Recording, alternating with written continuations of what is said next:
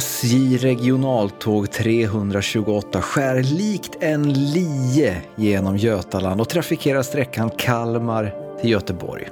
Avsnitt 328 av Obiterdictum lär inte skära genom vårt avlånga land med samma beslutsamhet, men nu vinkar likväl stinsen och vi rullar iväg från perrongen. I bistron sitter jag, Tobias Nordström, och mitt emot mig finner vi podd-Sveriges trognaste lok, Billy Rimgard. Hallå, hallå, loket. Ja. Olika konnotationer. Verkligen. Eh, det fanns något också med slutstation i Göteborg och loket, jag vet inte, någonting. Det var ju en eh, eh episk tågresa en gång till Göteborg där eh, Ebbot eh, hade på sig en sån här lila kaftan och gick i gången upp och ner och tog eh, kaffe. Och eh, när vi skulle gå av sen och han stod och packade upp grejer så är det två utländska turister då som kommer fram och frågar Are you a priest? Frågar de honom och han svarade Sort of. ja, ärligt ändå på något sätt. Underbar ankomst till Göteborg och eh, med respekt till Evot. För att alltid vara in character. Jag har en liten uppföljningsfråga. Det skedde ju ett skifte i ditt liv för några veckor sedan när vi skulle spela in Oddpod och din bandare saknade minneskort. Nu undrar jag här, vän av ordning, har vi liksom, är vi fortfarande i, eh, ligger paradigmskiftet kvar? Spelar vi in på datorn nu eller spelar vi in på bandare? Så här, det saknades minneskort, det saknades inte Oddpod-lyssnare som hade två gigabytes minneskort. Den främsta av dessa, eller den första och förmodligen den som vinner i ren volym också, det var Anders som hörde av sig ganska omgående med ett foto eh, på en låda där det alltså ligger hundratals obrutna förpackningar i två GB minneskort. Eh, och han var villig att donera ett gäng. Eh, du, får, du får så många Tacka du behöver. Tacka för det, vad ska, vad ska han med dem till? och jag tackade gladeligen ja till det och se, efter det så tackade jag och bockade till alla som hörde av sig. Det var ytterligare en fyra, fem stycken. Jättesnällt att ni följer en sån efterlysning. Så jag tackade eh, vänligt men sa att det redan var löst. Och jag, min förhoppning var ju att kunna spela in då på min bandare återigen. Eh, I min brevlåda igår låg ett demolerat tomt kuvert. Nej. Ett uppslitet, upprivet kuvert från en avsändare. Eh, jag väntar inget annat brev eh, som matchar avsändningsorten. Eh, eller liksom jag väntar inget annat brev, punkt. Helt enkelt. Eh, och framförallt inte från den avsändarorten. Så jag, miss, jag har mejlat Anders och frågat, eh, ännu inte fått svar. Ehm, så jag misstänker att eh, vi även denna vecka, eller ja, jag vet att jag, jag, spelar in på min dator nu, det är inga konstigheter. Men, men jag tror att där det fanns en plan, eh, ni lyssnade på mitt nödrop. Men Postnord, någonstans så slet någon upp detta och tänkte att haha, nu har jag gjort stort kovan. Men det... så fick de ett 2 gigabyte. Ja, men du, du, man vet inte, det är inte, kanske inte bara du som trånar efter 2 gigabyte kort. Det kanske sitter någon jävel på posten, eller så här, det kanske sitter någon jävel på posten och tänker att jag ska eh, inte, eller jag ska liksom låta den nya given spela ut, spela ut. Ser att det liksom är ditt namn som det här brevet ska till och tänker, här, här sätter jag ner foten. Just det, lite bakåtsträvar, alltså mota bakåtsträvandet i, i grind på något Precis, vis. det var det jag säga. Det, personen som bara river upp det här är ju inte bakåtsträvande, så det är du som vill tillbaka till bandaren och 2 GB-kortet som är bakåtsträvaren i det här fallet. Faktiskt. Och på det temat faktiskt så kom det ett mejl som vi behöver förhålla oss till. Uh, Björn L uh, skriver så här. Hej, ni är jättebra. Den enda podd jag lyssnar regelbundet på. Kul! Tack Björn. Men please, gå inte i spanarfällan. Radioprogrammet Spanarna kickade igång i slutet av 80-talet i P3 och spanade in i framtiden. Men i takt med att deltagarna blev äldre blickar de allt oftare bakåt. Numera landar nästan varje spaning i att det var bättre förr. Bakåtspaningar. Jag kan ibland skymta sådana tendenser hos er. Att nya saker är lite tråkiga och jobbiga. Att det var lite bättre och roligare i er ungdom. Jag vill gärna ha er som guider in i framtidens populärkultur. Självklart med ena foten i historien, men inte bägge. Ha det så jättebra och tack för underhållningen, Björn. Man mm. kan ju Jonas tänka... Hallberg, vad säger du om det här? Jonas Hallberg är inte kvar i Spanarna, det kan han inte vara. Ingen aning. Grejen är att referensen Spanarna är liksom så pass gammal att det är så tvek hur många som plockar den. Um, uh, uh, och... Kul, förlåt, kort där bara. Kul på, vad heter det, populärkultur-trivia om Spanarna. Du, du, du, har hört ledmotivet i Spanarna? Ja. Vet du var det kommer ifrån? Nej. Eh, Tim Burtons film Beetlejuice. Okej. Okay. En kort Som... liten sekvens i en, liksom en typ en, ett scenbyte i, i Beetlejuice så ligger den där melodin. Eh, om de har kvar den som de hade förut i alla fall. Den, är, den är väldigt kort. Den du, du, du, du, du, du, du. Ah. Det, det var min tondöva imitation av spanarnas ledmotiv. Det var säkert någon ljudperson då som bara lyfte den. Um, um, Förlåt? Mitt mest, jag, vet jag körde helt fast här för jag kommer ihåg när du och jag en gång stod i en hiss sent en kväll på Sveriges Radio. Jag hade Aftonbladet hade en väldigt rolig etta den dag, dagen. Där ett väldigt litet eh, typsnitt stod snart är den här. Och sen stod det ett väldigt, väldigt stort typsnitt, Stormen. Bara jättestort. Det var liksom det sista jag hade läst innan du och jag åkte hiss. Och det var en gubbe som stod där i hissen också. Och det, blev så, det var så liten hiss och det var så awkward stämning. Så jag försökte lätta upp det genom att prata om någonting. Och jag kom bara på den här rubriken. Och började prata om den här stormen. Du sa bara så här till mig. Är det storm ikväll eller?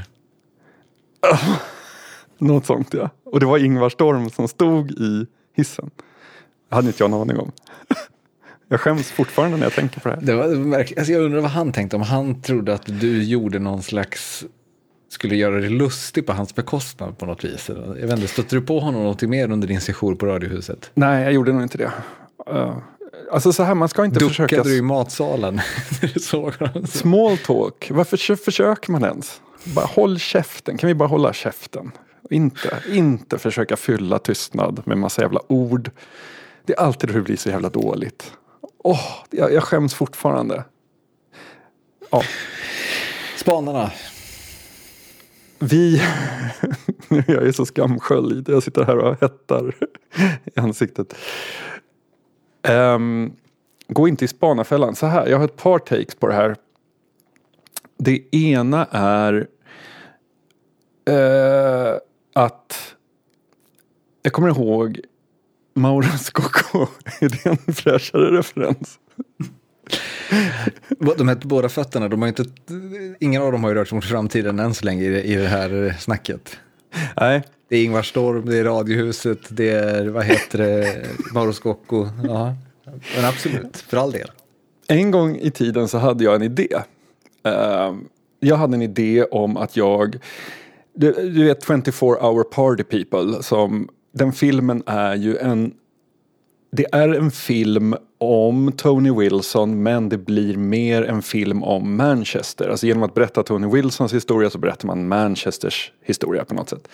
Och jag hade ju en idé om att göra en, bok som följde Mauro Scoccos eh, karriär men mycket mer koncentrera sig på typ stylister eller så här, formgivare som gjort omslag och stylister till photoshoots. Liksom, vilka krogar hängde de på efter de hade varit och spelat in? Eller, alltså så här, försöka måla en bild av Stockholm genom att följa Mauro Scocco.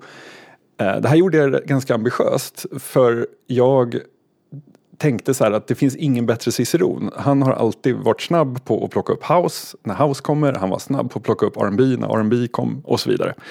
Eh, så jag gjorde en pitch. Eh, Mauro skeptisk. Eh, okej, okay, jag filade om min pitch. Eh, för jag tänkte så här, den går ändå att göra ändå. Om jag som författare är inte jobbar tillsammans med honom utan att jag, jag tar liksom rygg på textraderna, de smyger runt hennes port med hennes bild i fickan och gör det här som en stalkerbok istället. Att ibland är jag nära Mauro och ibland är jag längre bort. Eh, och att det liksom är så. Eh, Eh, skickade den till honom, fick tillbaka, det är ett fritt land, Mauro. Eh, och jag kände att entusiasmen kring min stalker bokidé inte var så stor. Men spola fram tio år så gjorde jag en intervju med honom för eh, tidningen Novell. Eh, och då kunde jag inte låta bli att ta upp det här, det, hans följsamhet mot, mot eh, eh, populärkultur. Och då så sa han så här, det här skulle vi ha pratat om för tio år sedan. Och då tänkte jag, jo, Uh, jag hade en pitch, uh, så, men jag, jag, sa inte det, men jag tänkte det. Uh, det här skulle jag prata om för tio år sedan, sa han, för jag har slutligen slutat vara intresserad av vad som är framtiden. Jag har bara blivit en gammal man med en skivsamling och det känns rätt bra. Och det kommer jag att tänka på. Att så här, jag kan nog inte vara en guide in i framtidens populärkultur. För slutligen så har jag bara blivit en man som sitter där med sina referenser och trampar vatten tills Herren kallar honom hem. Du, du har med andra ord gett upp på något sätt? Nej, Alltså så här, jag är fortfarande intresserad av nytt men jag har ingen möjlighet att hålla koll på samma sätt. Alltså det brinnande intresset för, för sånt kanske inte finns. Nu är man lite mer trea på bollen och är ganska nöjd. Låter de andra sovra. Jag tänker också att så här, det, det, det här, lite grann någon slags underliggande ämne här närmade vi oss ju med eh, utopicirkeln. Att så här, framtiden är svårare att förhålla sig till nu än vad den var för tio år sedan när vi började den här podden. Alltså, det här är ingen, ingen cop-out med att vi inte ska blicka framåt. Det, det var väl lite någonstans där vi landade med utopicirkeln, man får inte sluta försöka. Men det, den, det är inte lika lika enkelt. Eh, jag pratade också i något avsnitt om Mark Fisher och liksom den här idén om att så här, även populärkulturen har liksom fastnat på något sätt. Populärkulturen kan liksom inte riktigt blicka framåt längre, utan även den blickar liksom väldigt mycket bakåt. Eh, The Weeknd gör liksom ett album som låter som FM-radio med 80-talssyntar. liksom. eh, Daft Punk besöker disco, går tillbaka till discoeran. Alltså det, det, det är väldigt så... Ja, det, det, det, finns inte så mycket det, det, finns inte så mycket blickande framåt. Det är väl typ då någon slags postapokalypsberättelser på sin höjd som, som, som gör det. Eh, och det känns som att det har vi ju harvat i den här podden i tio år. Eh, med det sagt så, jag vill liksom inte heller vara spanarna som bara kommer fram, landar i hela tiden att, att det var bättre för och men jag tycker inte att vi alltid gör det heller, Nej. även ifall vi återvänder dit på något sätt. Men i avsnittet där vi faktiskt eh, tog reda på om det var bättre förr eh, så återkom vi ju till ett walesiskt uttryck som jag nu har glömt bort men som handlade om en, en känsla vid en plats i en tid som inte går att återskapa. Och att det liksom bara, alltså den ogiltigförklarar hela nostalgibegreppet eftersom nostalgin är längtan hem. Eh, längtan tillbaka till någonting. Eh, medans jag är fullt medveten om att det inte där det finns ingen väg tillbaka. Alltså jag tror att det är det som är skillnaden. Alltså jag mm. vill absolut inte att någonting ska vara som förr eller att jag ska vara som jag var förr. Fy fan, stå där i hissen och dissa Ingvar Storm. Så pinsam. det, är, det är över tio år sedan nu och jag hoppas att jag har blivit mindre pinsam. Um, men... Um, det brukar bli som att man blir mindre pinsam med åren. Ja, exakt. exakt. Uh, men däremot så är det ju, tycker jag, extremt svårt och det är ju inte bara Alltså så här, all, det man måste förhålla sig till är så här att all, vad ska man säga, analys som jag förmår att göra med popkultur, som jag har kunnat göra i någon mån, någon annan får recensera om, den har varit, om det har varit en bra analys eller inte, men jag har försökt göra analyser. Den har ju bottnat sig i någon slags liksom, klassisk kulturkritik upphöjd till, upphöjd till popkulturnivå. Um, så. Men Idag går inte det därför att vad som blir populärt inom exempelvis musik det enda som det har att göra med det är om typ så här, Neymar har lagt upp en TikTok med den låten i. Ja, då blir den mm. populär. Det finns liksom inget, man kan inte dra de här breda alltså trendstrecken, där så här, vad innebär det att Rihanna plötsligt jobbar med Calvin Harris? Så här, alltså du vet sådana diskussioner är helt ointressanta därför att plötsligt kommer Kate Bush och studsar upp på TikTok som eh, någonting som alla 11-åringar går runt och lyssnar på. Och man bara, jaha, Kate Bush, ja, det såg man inte komma. Precis, det, det, det, det, är inte vi som är problemet. Problemet är att 11-åringarna har också blivit spanarna. Det, Ja. det, det, det, det är det som är...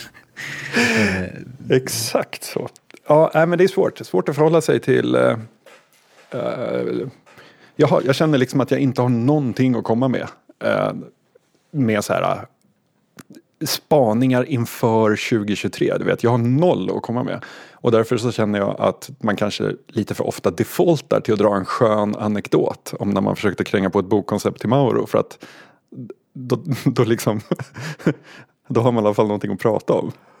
Ja, men och sen så är det också ganska mycket som att populärkulturen, om man utgår från den, är i mångt och mycket väldigt oattraktiv eh, 2023 för att den är eh, liksom mest habil. Alltså den är, den är liksom välgjord, den är... Eh, alltså så här, populärkulturen är liksom mainstreamkulturen. Eh, och den görs ofta väldigt bra, men är ganska ointressant på många sätt i det att den inte liksom sticker ut. Och den här podden är liksom inte avantgarde-konst. Eller det är liksom inte det vi pratar om här. Vi pratar liksom inte om eh, en liten sub klubbscen någonstans i världen. Alltså på, på något sätt så är, är ju vår vid om sidan någonting annat. Alltså någonting som finns här bland oss. Och den, den, den, den lilla fåran vi karvade ut för oss själva när vi drog igång det här, den har liksom inte den har försvunnit lite grann. Eller den har åtminstone liksom blivit någonting annat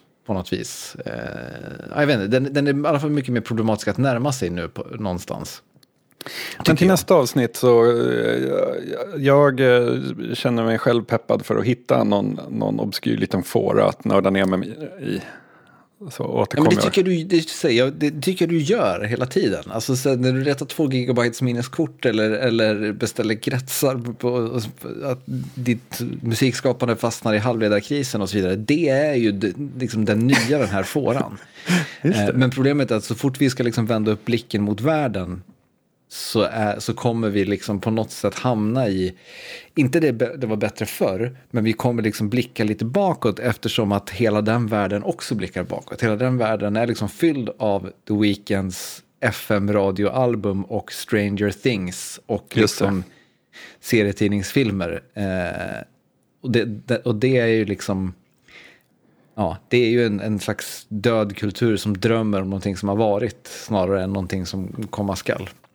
Jag skulle ju kunna prata i en och en halv timme och utan några eh, liksom, pratpunkter om Trackmania om det bara var det. Men det, det är inte den här podden. Det är din Trackmania-podd. Ja, just det. På svenska med tre lyssnare. Nu snackar vi, det är äkta. Ja, så jävla nisch. Superproddad också, så här extremt välproducerad dokumentärer och sånt. Porträtt på olika mapmakers. Och... Fan, är det den kullen man ska ta på? Men jag tänker ändå så här, för för att ta det här vidare. Jag ska, vi- vi- att vi ska titta på ett klipp som lite grann genom att blicka bakåt också kanske kan blicka framåt. Det här var någonting som dök upp i mitt flöde eh, i veckan eh, som jag fastnade vid att, att det har någonting. Men som jag också när jag ko- kollade upp det lite närmare insåg att det här är från 2019. Men det är likväl eh, intressant att, att eh, kontemplera vad det är på något sätt. Kan du beskriva lite, vad, det är ett 56 sekunder långt klipp, du behöver inte beskriva exakt alla 56 sekunder, men man fattar ganska snabbt vad, vad, vad det handlar om. Yes, jag trycker play. Ja, det är en person i motorcykelhjälm och svarta kläder som ah, flyger iväg. Det ser ut något som en jetpack liknande fast han, det är inte en jetpack. Han står liksom på, det är som en sån här hoverboard som han står på och flyger iväg med. Uh, ut över en sandöken. Aha, han ska flyga över, en otroligt fin grafik visar hur han ska flyga över Engelska kanalen. Uh, jag antar att det är det som ha, är hans Ja.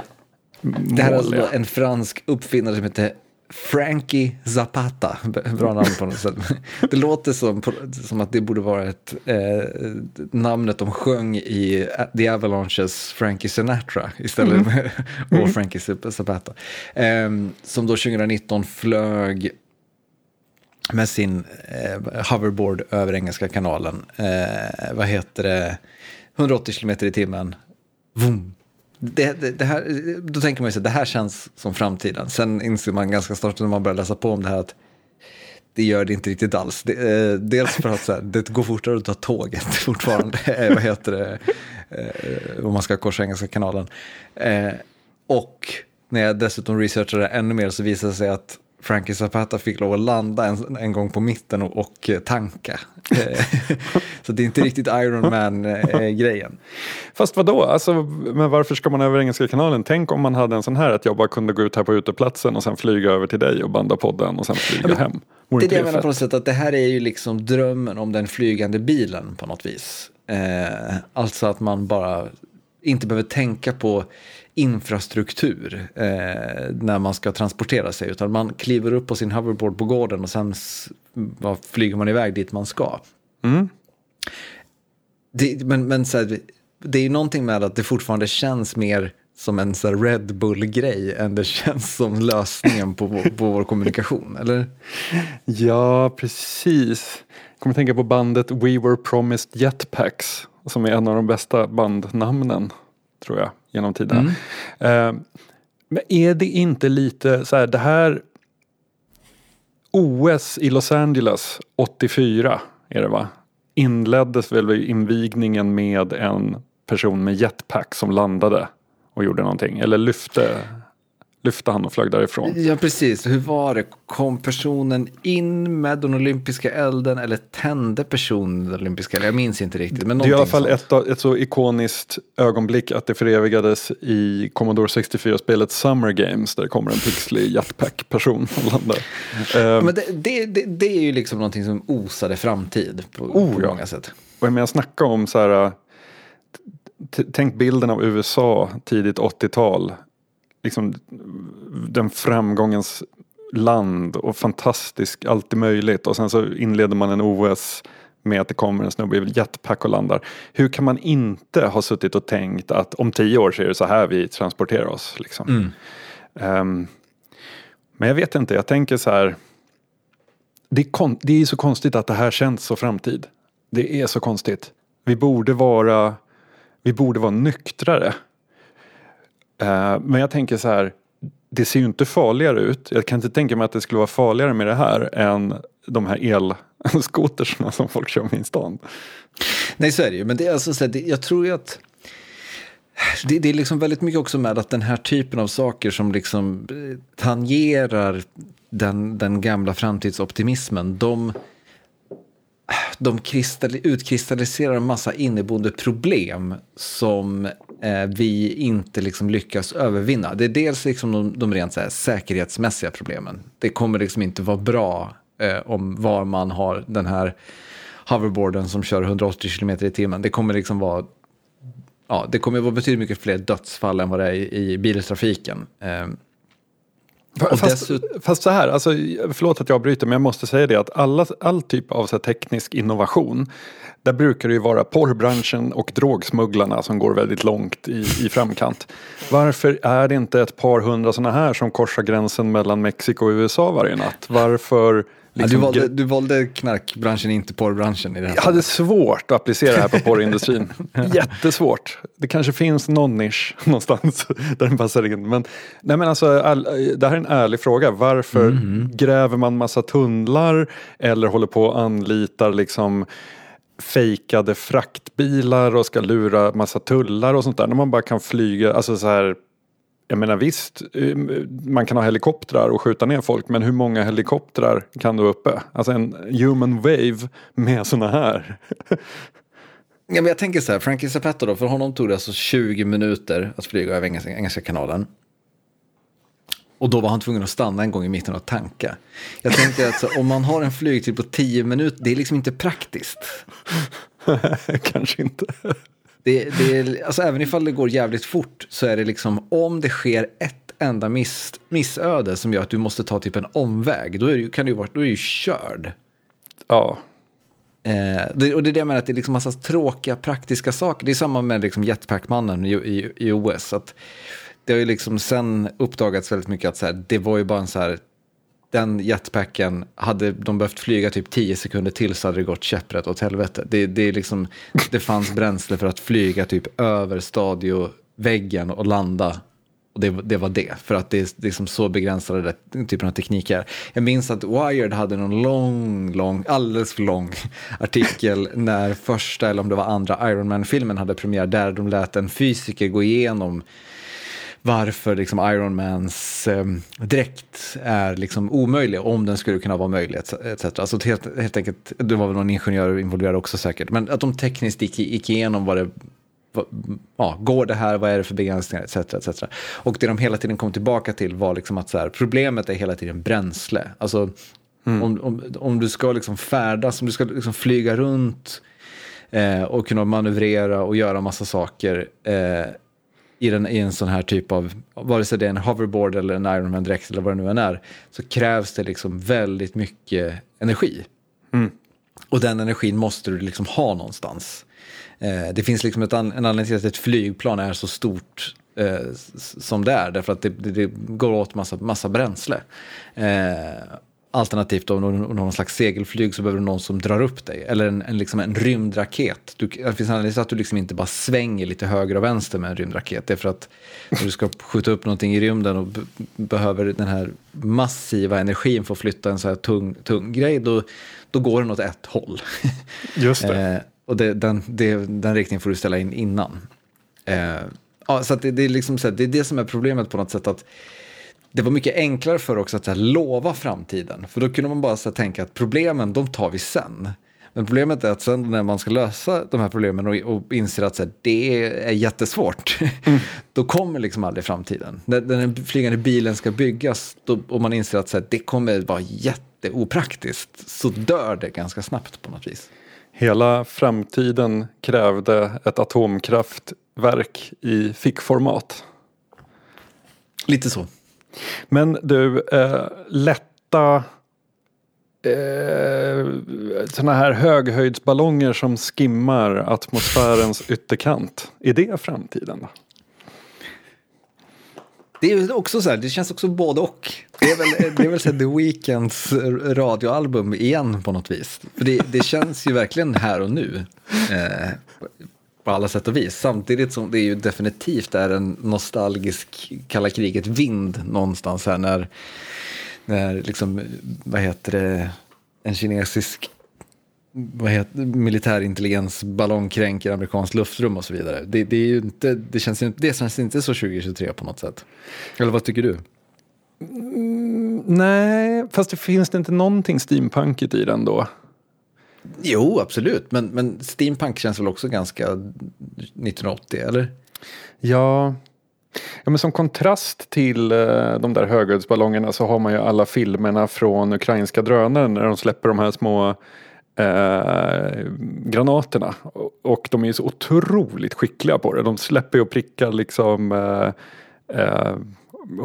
hålen ner i tanks och så vidare. Eh, mm. extremt eh, fascinerande point of views. Eh, och jag vet, det är ju, alltså det känns på ett sätt framtid men det känns också som att så här den, den typen av sofistikerad elektronik som det där ändå är, det måste vara så lätt att slå ut den på något vis. Alltså efter det här kriget så kommer väl alla jobba på sina drönarförsvar eller? Med tanke på att Ukraina bara sopar mattan med ryssarna. Jo, så är det väl. Och liksom inse, alla kommer inse att det här med landkrig, alltså ta, ta landområden är inte vad det brukade vara. Det, man, man kliver bara inte in och annekterar på samma sätt som man gjorde en gång i tiden.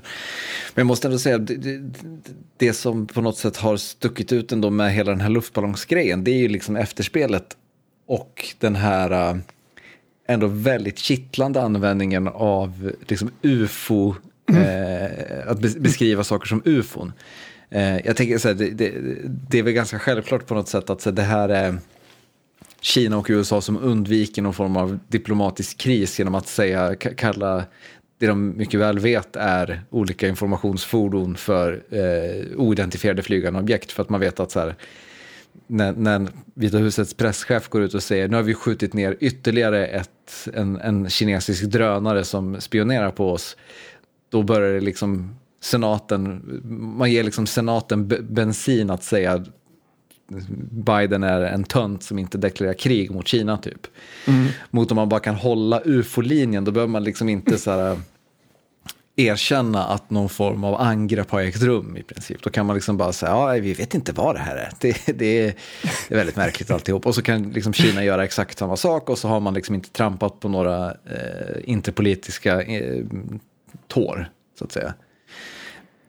Men det kittlade ändå när, de, när man liksom sen, när USA skjuter ner ufon varje dag, eller? Ja, ja, ja, ja absolut. Eh, världen blir lite mer ding-ding varje dag när den typen av nyheter är i, i skriket. Så är det.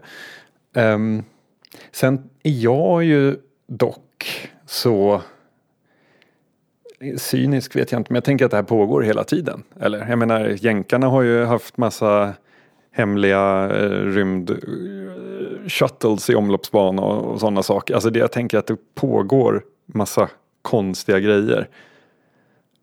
Och, och med tanke på så här, med sat, tänk hur många spionsatelliter som liksom kretsar runt jorden varje varv och tar massa mm. foton. Jag förstår inte de här ballongerna, vad de kan tillföra. ja, men som jag har fattat så är ballongerna liksom lite mer att du kan med satelliten är du ju väldigt bunden till vad satelliten passerar över. Eh, Medan då ballongen kan liksom lite mer punktmarkera ett område eh, men är också då lite mer eh, oförutsägbar med vad man får. Eh, sådär. Eh, men, det, men ja, det, det är ju...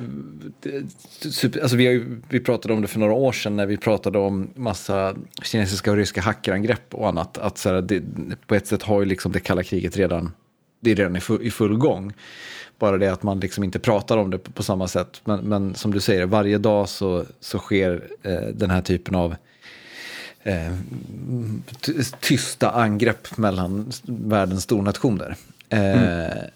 Men det blir ju också så här, problemet är ju att så länge alla bara gör det och alla håller käften så, så är det ju lugnt. Problemet är ju när, när folk liksom börjar se ballongen med blotta ögat. Precis, det är det som är misstaget. Allt som sker då, det blir bara teater. Ja. Lite så. Från oidentifierade flygande föremål till eh, identifierade ljudfiler. En dålig segway men eh, var det bästa jag kunde dra ur bakfickan. Eh, det har ramlat in lite grejer till oss som jag vill att vi andäktigt tar en stund och lyssnar på. Eh, vi, vi, vi kör bara här.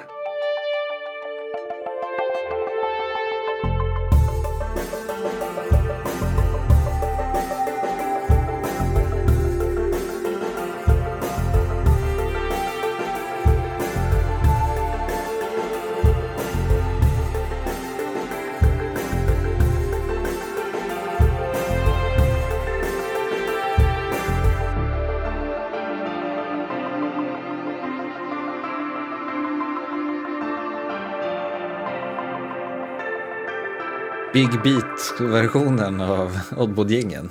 Ja, lite drömmig sådär. Uh, vi har ju en tradition, jag vet inte.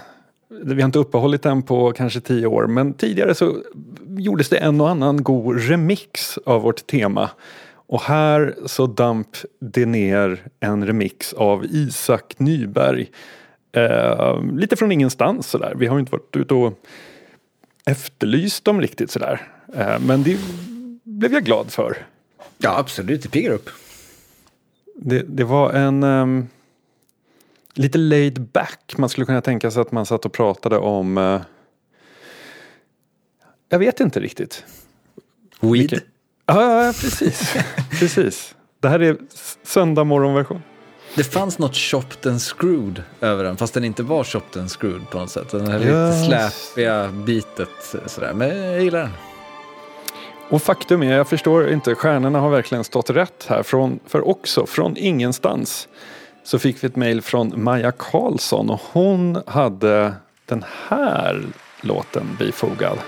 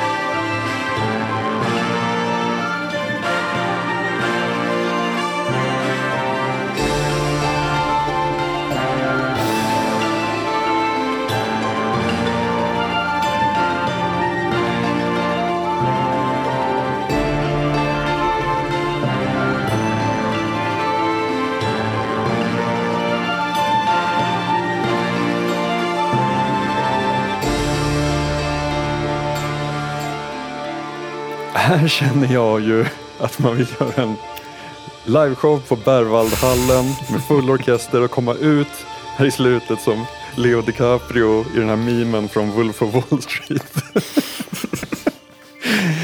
Good evening Stockholm!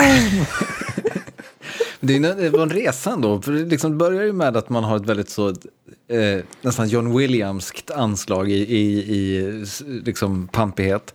Och sen var det som att jag kände sig efter, efter en bit in att det här känns nästan lite så här orientaliskt på något sätt. Alltså mm. det fanns en sån vibb.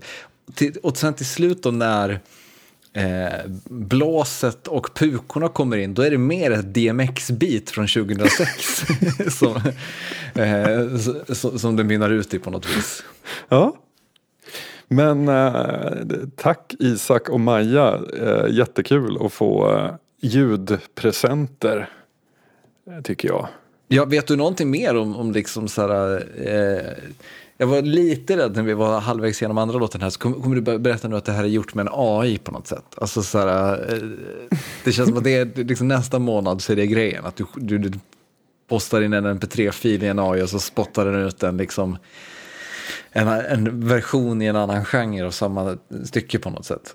Jag blev eh, nyfiken på hur det här var arrat och jag frågade, får man fråga det? Och jag fick en essä tillbaka med eh, detaljer om alla pluggar och sånt. Mycket intressant för alla musiknördar. Mm. Och det passar ju ganska bra ändå att köra vårt vår intromusik eh, eh, eftersom vi har nått programmets eh, sluthållplats, nämligen introcirkeln. Eh, det finns någonting, någon, någon form av eh, cool. Poetisk palindrom eller någonting, någonting ja, sånt där. Ja. Vad heter det? Skräckspecial då denna vecka. Eh, två stycken filmer, Scream och The Thing. Eh, den ena vet vi sedan länge ligger varmt om Oddbot hjärtat. Den andra har vi kanske inte pratat jättemycket om i, i Oddbot-sammanhang. Jag skulle vilja eh, börja med The Thing. Mm? Går det bra? Absolut. Throwback också till avsnitt vad är det, 82 typ. När du faktiskt ringde upp till eh, John Carpenter för att surra. Mm. Hello. Hi, this is uh, Tobias calling from Sweden. How are you? Good. How are things in Sweden? I'm good, thanks. Uh, is this Mr. Carpenter? You, don't you hope so? Hi, this is John Carpenter, and you're listening to Odd Pod. Väl värt att lyssna på det avsnittet om man vill ha eh, hela utläggningen. Det har jag för mig vi spelar in i en ganska, vad ska man säga, fanyra. Eh, en, eh, en, en, vad ska man säga, okritisk bild av The Thing eh, och John Carpenters verk överhuvudtaget.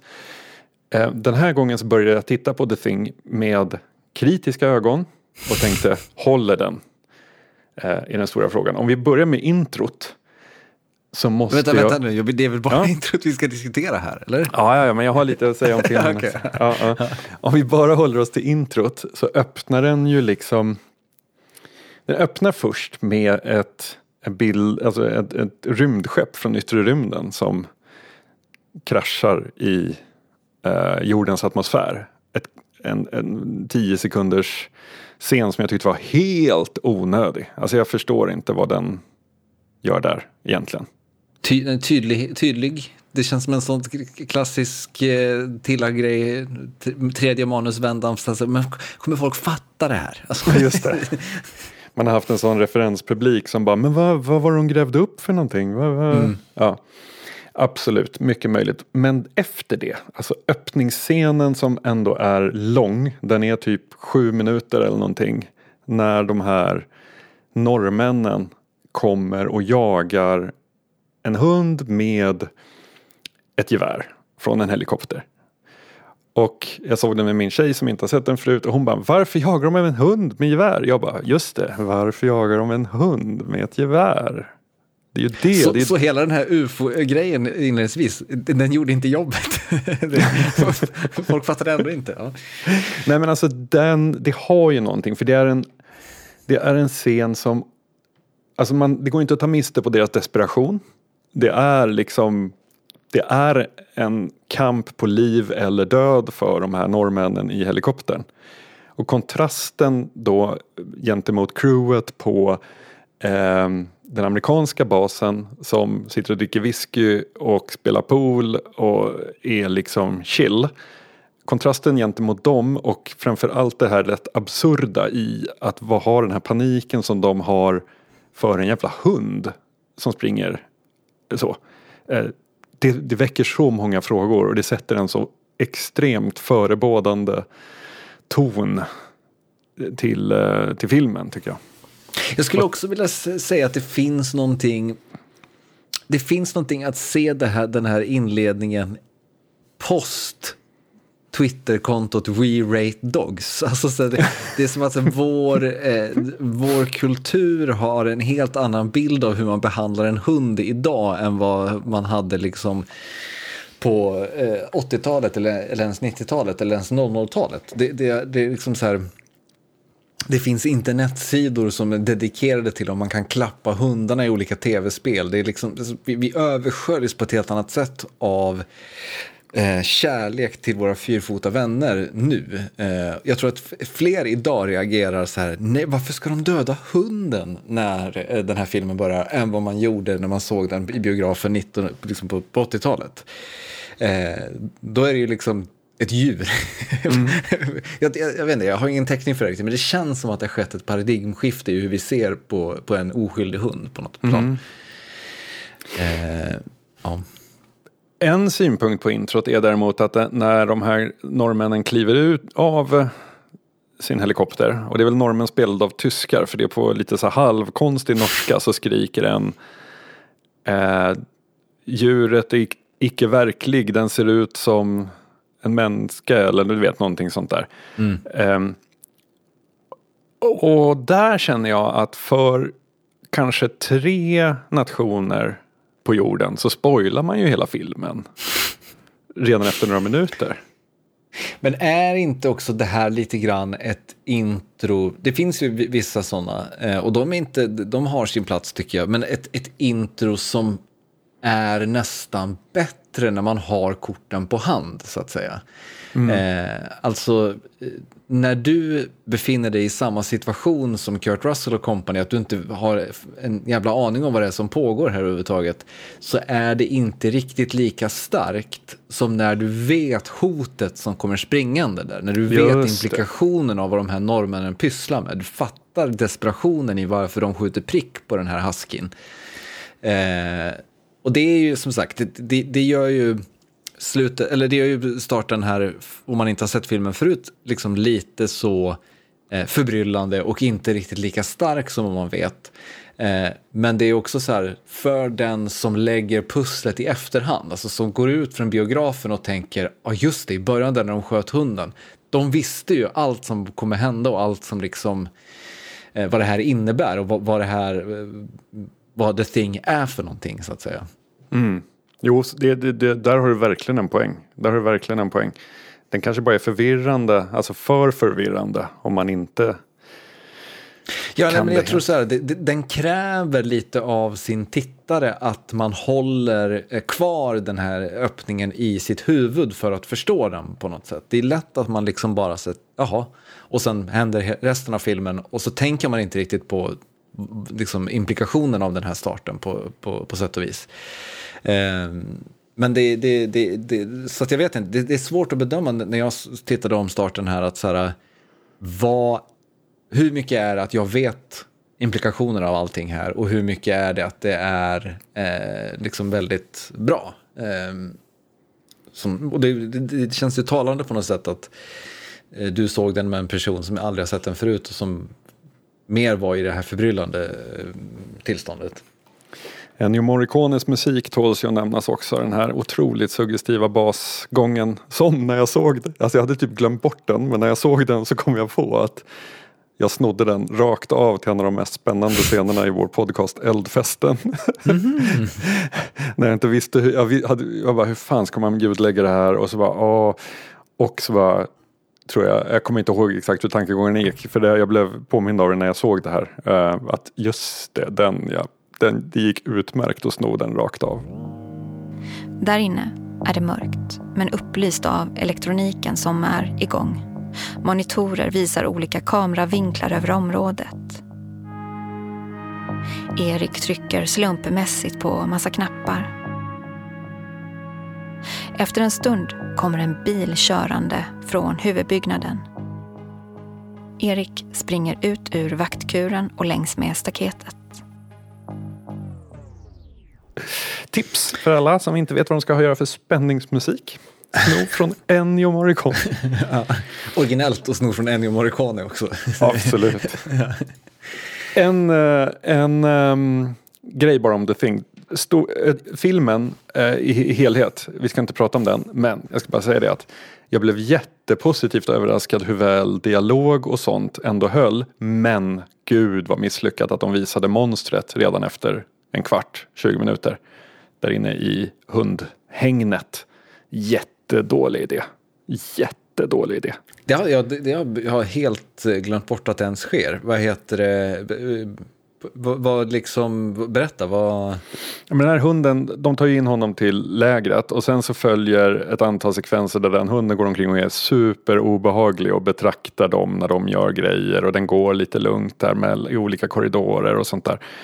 Eh, och sedan så eh, är det någon som säger till han som är hundskötaren att vad gör den här byrackaren här ute? Så här, varför är inte den med de andra? Ja, ah, jag går och låser in den. Och då låser han in, in den och då börjar alla andra hundar morra.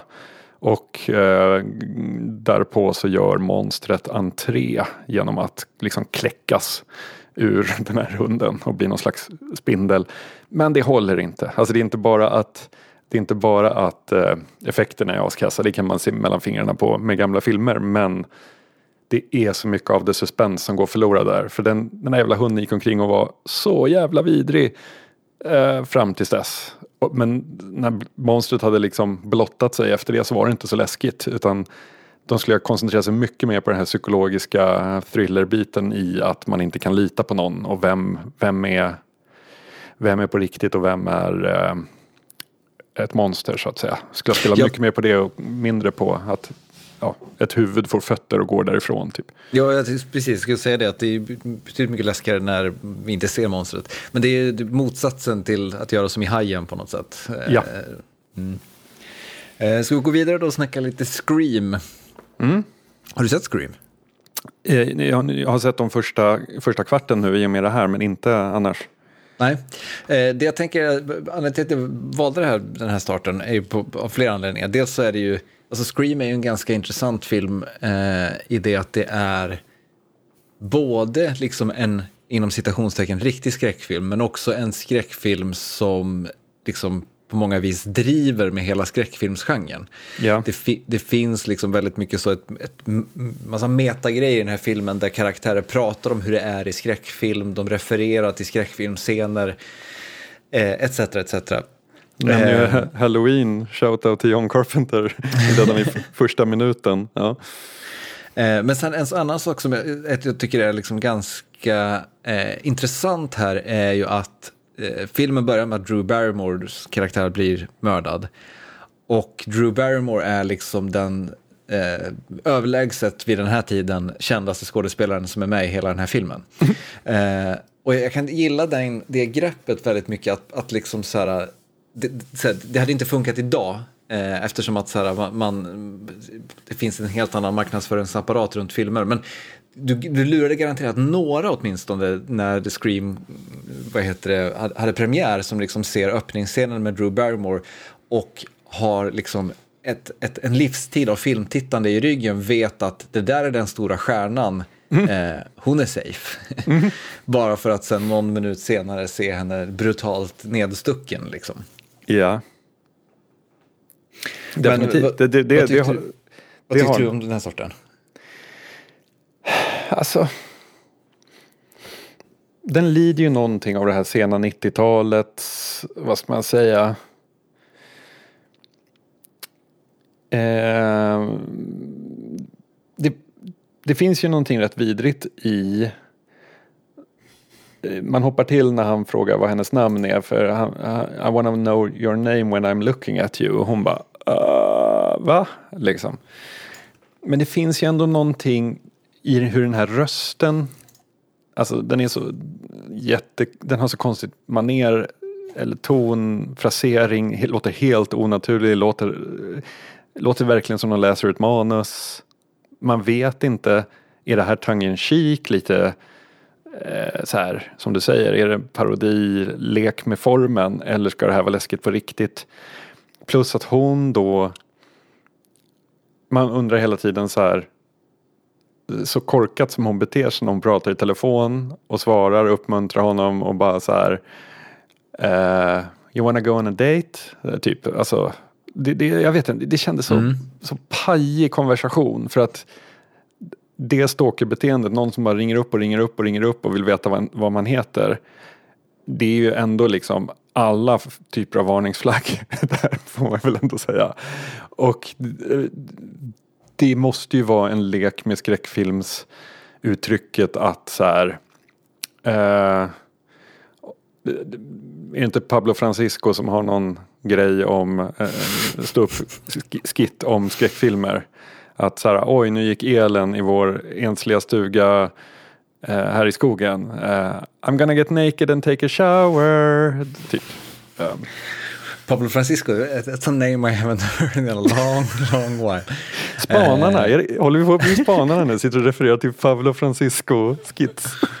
Eh, jo men så är det ju, alltså, du, du har ju rätt, det finns ju något, något pajet här. Och, men, här, en del av mig, om man, en välvillig tolkning är ju på något sätt också att, så här, har den, att den här pajastarten har ju någon slags väldigt märklig kontrast i att, det, att själva mordet är så extremt brutalt.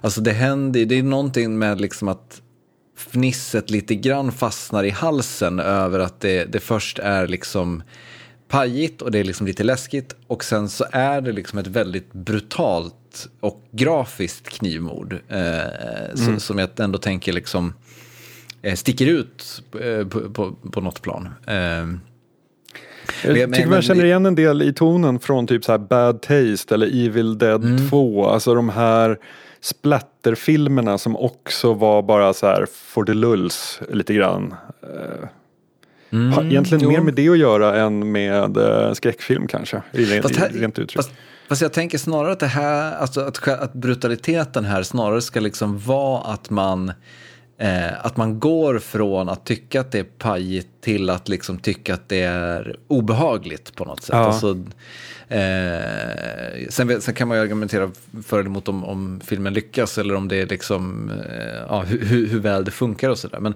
jag tycker ändå att det, det har någonting. Sen, sen som sagt, jag, det är som så här, Scream eh, är liksom, vad ska man säga, det är en, en smart dum film, vad man ska säga. Eh, och det, det, det, jag tycker att här, det, det, den här starten är, är intressant just för att den har eh, den är liksom på ytan platt och pajig och det finns ändå någonting här som är någonting mer. Eh, jag kan inte vara mer eh, specifik än så, är, jag rädd. Men eh, jag, vet inte, jag, jag, gillar den här starten. Det är kanske inte den bästa, det bästa kanske inte är uppe där med eh, Call Me Ishmael. men men, men den, den, har något tycker jag. Mm. Ja. Eh, Börjar vi bli klara med liksom intros sådär? Ja, det börjar bli dags för den här cirkeln att skifta, eh, skifta färg, skifta form till att handla om slut istället. Men jag tänker att vi ska Eh, även en introcirkel måste ju ha ett avslut, så att säga. Eh, mm. Och det är en sak vi inte riktigt har pratat om som ändå är ett grepp som jag tycker förtjänar att diskuteras eh, lite närmare när det kommer till intros och starter. Så jag har ett förslag till sist, en sista introcirkel. Eh, och det är att köra ett in medias res special. Mm. Eh, alltså helt enkelt en, en typ av eh, start, en typ av intro som är så vad ska man kalla det, litterärt uppburet att det har ett, ett latinskt uttryck för att beskriva det. Mm. Um, och det, det, ena exemplet då eh, fick vi av en lyssnare som heter Emil Skala som påminner mig om, om den här starten. Och jag, det, det, får vara representativt för en, en, en, en hel filmserie som, som ofta har den här typen av start. Eh, nämligen eh, James Bond-filmen Golden Eye, eh, mm. om du minns den. Ja. Eh, och sen behöver vi en, en in medias res till. Har du någon på rak arm? Annars har jag en, en, en, en andra eh, i hölstret. Ja, jag ser vad du har skrivit i våra stödanteckningar här och jag tycker vi ska köra på, på det. Mm. Uh, då är det, det, det Golden, James Bond, Goldeneye och sen då vid and, någonstans vid andra änden av kulturen, Gösta Berlings saga. Ja, jag älskar det. Det, det, det, det, är, det är en bra, bra kontrast. Ja. Eh, så då kollar vi starten på, det, är också så skönt med en James Bond-grej för det är så otroligt tydligt vad som är introt. Ja. Introt är fram tills liksom, Tina Turner börjar sjunga. Eh, Tremolo-gitarren drar första. ja, men typ. Eh, och Gösta Berlings saga, det är väl, ja, läser första sidan, typ ish. Det, det, det viktiga är ju liksom första meningarna bara. Mm. Kul. Kul. Nu, ursäkta att jag spräckte fjärde väggen där och medgav att vi hade stödanteckningar. Men vi har några små punkter. Det kan vara värt mycket, mycket punkter som inte made the cut den här veckan. Ja, då har vi någonting att ta med oss till nästa avsnitt. Så jobbar ja. vi också. Det händer väldigt sällan dock att saker som inte made the cut överlever en, eh, liksom en, två, två veckors period till. Men, men vi får väl se. Ja. Finns lite smått och gott där. Det gör det. Men eh, bra, då eh, så ska vi eh, passera morddagen under de kommande två veckorna. Fundera på vems hand vi kan sätta pistolen i. Och sen så hörs vi igen om två veckor. Ha det fint. Hej då.